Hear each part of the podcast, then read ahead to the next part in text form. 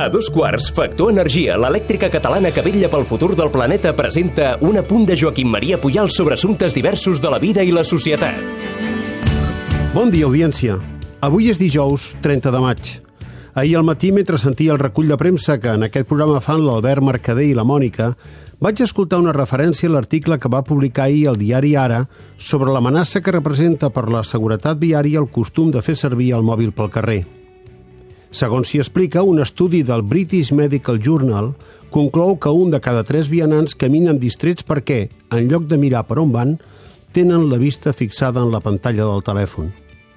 Crec que l'estudi no ho diu, però a mi em sembla que si considerem també la quantitat de conductors que poc o molt també dediquen una part de la seva atenció al mòbil, el problema de la seguretat de tots plegats augmenta. Ep, això em sembla a mi, però no en tinc ni idea.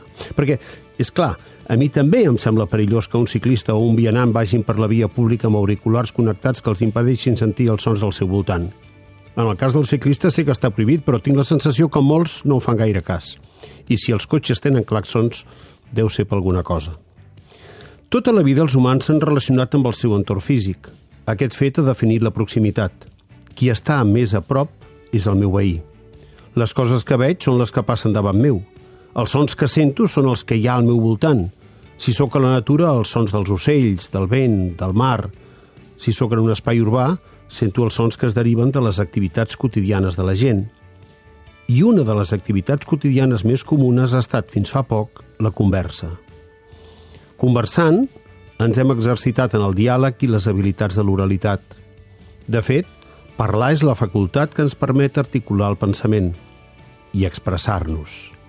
I exposar els motius que tenim per opinar això o allò – quan qui ens escolta en replica amb els seus arguments, tots dos estem mirant de trobar la raó. D'aquest exercici extraordinari en català en diem enraonar, entrar en raó. No és fantàstic que parlar pugui ser això? Però l'ús que fem de les noves tecnologies ens ha canviat la percepció de la proximitat. Amb l'impacte de la televisió ja vam descobrir que els nous veïns eren els que sortien per la pantalla i no els que teníem davant del replà. Ara, en l'imperi del mòbil, la proximitat ja no és física. Jo puc ser aquí i no participar de res del que s'hi fa perquè sóc en un punt de trobada virtual compost de multiubiquitats. Sembla que els experts de l'Organització Mundial de la Salut no consideren que l'addicció al telèfon sigui un trastorn. Però si he de ser sincer, he d'admetre que quan jo sóc en una reunió i algú fa servir el mòbil, sento inevitablement que li interessa més el que li puguin dir que el que estem dient a la reunió.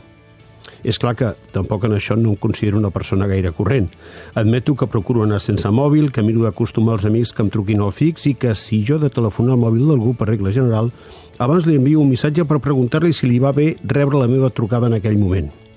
Probablement algú pensarà que no cal, que és un refinament estúpid, pot ser. Però jo uso el mòbil només com crec que em convé. Per exemple, fa alguns dies jo era en una agència de viatges i la persona que m'atenia va rebre diverses trucades que van interrompre repetidament la nostra conversa. Tip, vaig decidir anar-me'n. I des del carrer li vaig trucar al mòbil. Va ser perfecte. La mirada d'en és una exclusiva de Factor Energia. En Manu, el Minimans, manis pels amics, no, no ha contractat la llum a Factor Energia i no, no s'estalvia un 12,5%. Manu, contracteu tots la llum. A factorenergia.cat i no farem més anuncis. Per fi hi ha una altra llum. Factor Energia. Empresa col·laboradora amb la Barcelona Equestrian Challenge.